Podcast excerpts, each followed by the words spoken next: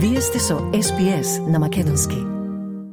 Во денешниот билтен, јавниот правобранител вели дека ситуацијата со тајните назначувања на Скот Морисон е длабоко загрижувачка. Македонско-бугарскиот спор се прелева и во Албанија. Бугарите во Албанија бараат помош од бугарскиот председател Румен Радев поради притисок од македонците. И украинскиот председател вети одмазда доколку Русија ги засили нападите врз земјата, додека Украина се подготвува да го одбележи денот на независноста. На СПС на Македонски следуваат вестите за 24 август 2022. Јас сум Ана Коталеска.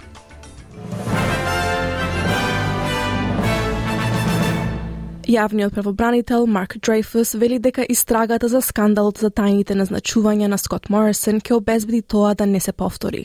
Суизната влада објави планови за независна истрага за одлуката на поранешниот премиер тајно да се назначи во пет министерства по советот на јавниот правобранител. Советите сугерираат дека иако господин Морисон не го прекршил законот, неговите постапки не биле во согласност со конвенцијата и суштински го подкупувале интегритетот на владата. Јавниот правобранител Марк Дрейфус изјави за Канал 7 дека ситуацијата е длабоко загрижувачка. We know the basics. We know that Mr. Morrison appointed himself to five ministries. We know he kept it secret. There's other things that need to be examined, and we need to make sure it doesn't happen again because obviously this is fundamentally undermining of trust and integrity in government. We can't have that. We've got to look into this. It's very important, and that's what the inquiry is about. Скот Морисон на социјалните мрежи повторно ја бранеше својата одлука. Во изјава објавена на неговиот Facebook профил, поранешниот премиер рече дека назначувањето било предпазлива мерка во вонредни околности и дека никогаш не ги користел овластувањата. Ново истражување истакнува врската меѓу финансиската благосостојба и менталното здравје. Според извештајот на Австралиската комисија за инвестиции и организацијата Beyond Blue, луѓето кои доживуваат финансиски стрес имаат двојно поголема веројатност да се соочат со проблеми со менталното здравје. Извештајот исто така покажа дека младите луѓе, жените, луѓето од првите нации и собствениците на мали бизниси имаат поголема веројатност да доживеат финансиски предизвици и лошо ментално здравје, вклучувајќи стрес и самоубиствени мисли. Извештајот исто така го истакнува недостатокот на пристап до системите за финансиска поддршка и поддршка за менталното здравје, тврдејќи дека постоечките услуги често се премногу сложени, ограничени во однос на времето или скапи.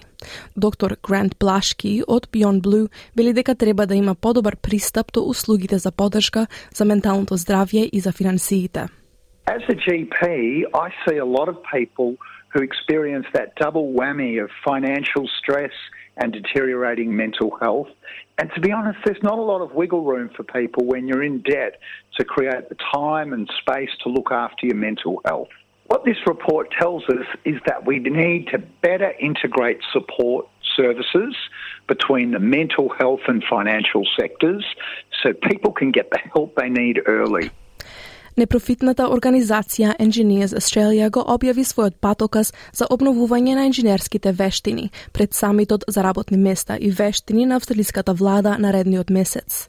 Извршниот директор Ромили Маду вели дека извештајот представува повик за акција, Главниот инженер на Engineers Australia, Джейм Макмастер, вели дека истражувањето за жени во инженерството и пречки со кои се соочува индустријата покажува ниска застапеност на мигрантите и недостаток на разбирање околу улогата на инженерите.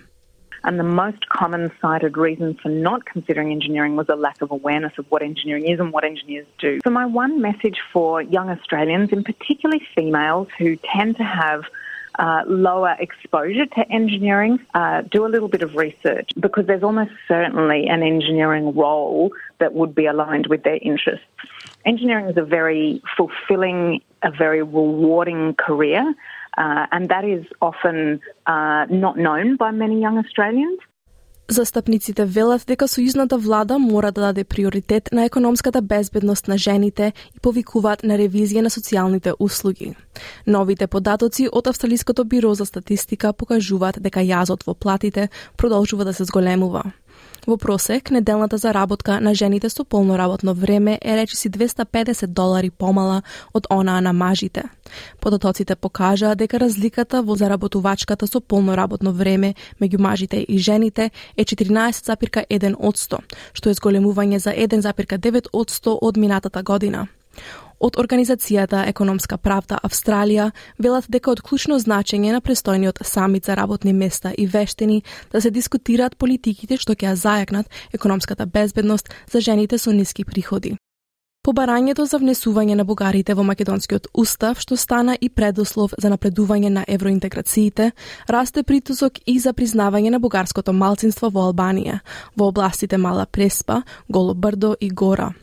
Експерти од Софија и албански државјани со бугарско потекло за бугарската национална телевизија тврдат дека во Албанија со векови живеат бугари, а сега малцинството брои околу 10.000.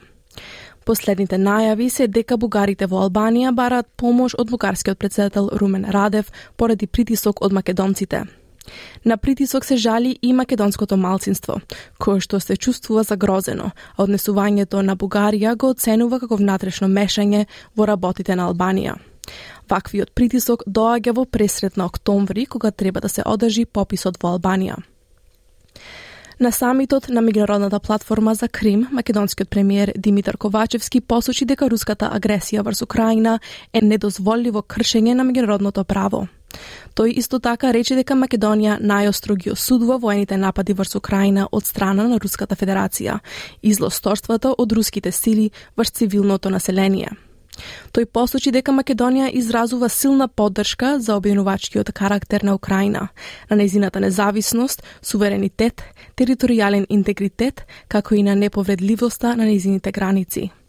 We strongly condemn the military attacks over Ukraine undertaken by the Russian Federation and the crimes of Russian forces over civilians.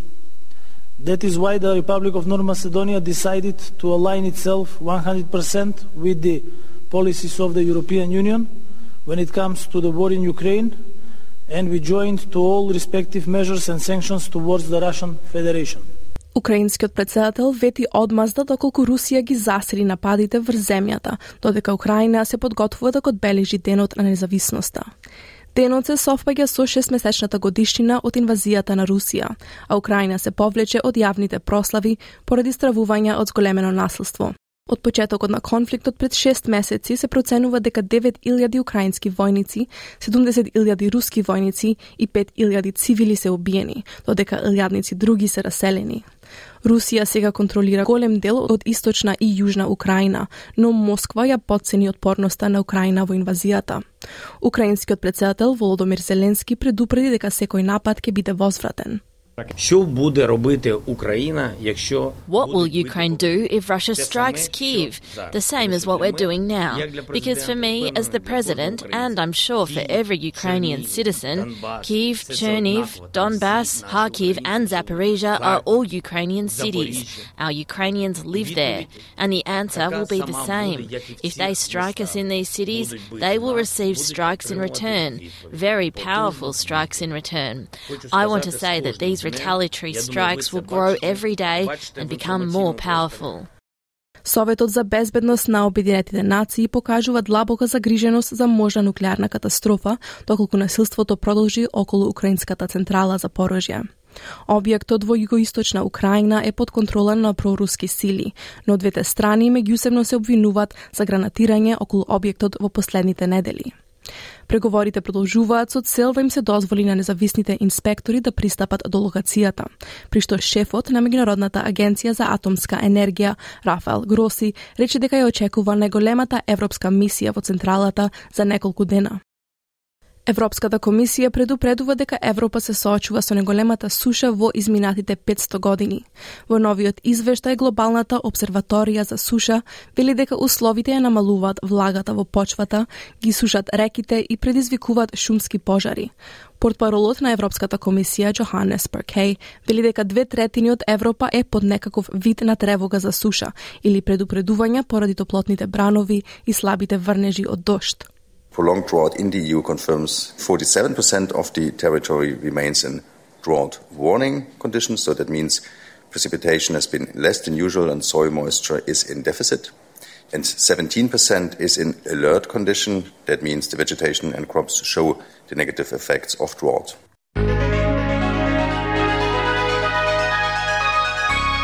Од најновата курсна листа денеска еден австралиски долар се менува за 0,69 евро, 0,69 американски долари и 42,29 македонски денари. Додека еден американски долар се менува за 61,27 македонски денари, а едно евро за 60,95 македонски денари. И на кратко временската прогноза за главните градови за утре 25 август, во Перт разведрување 23 степени, слаби повремени врнежи за Аделаид 16 степени, идентично и за Мелбурн слаби повремени врнежи 15, облачно во Хобарт 15 степени, делумно облачно за Канбера 15, услови за дожд во Сиднеј 20 степени, сончево за Брисбен 22, за Дарвин сончево 33 и за Алис Спрингс сончево 18 степени.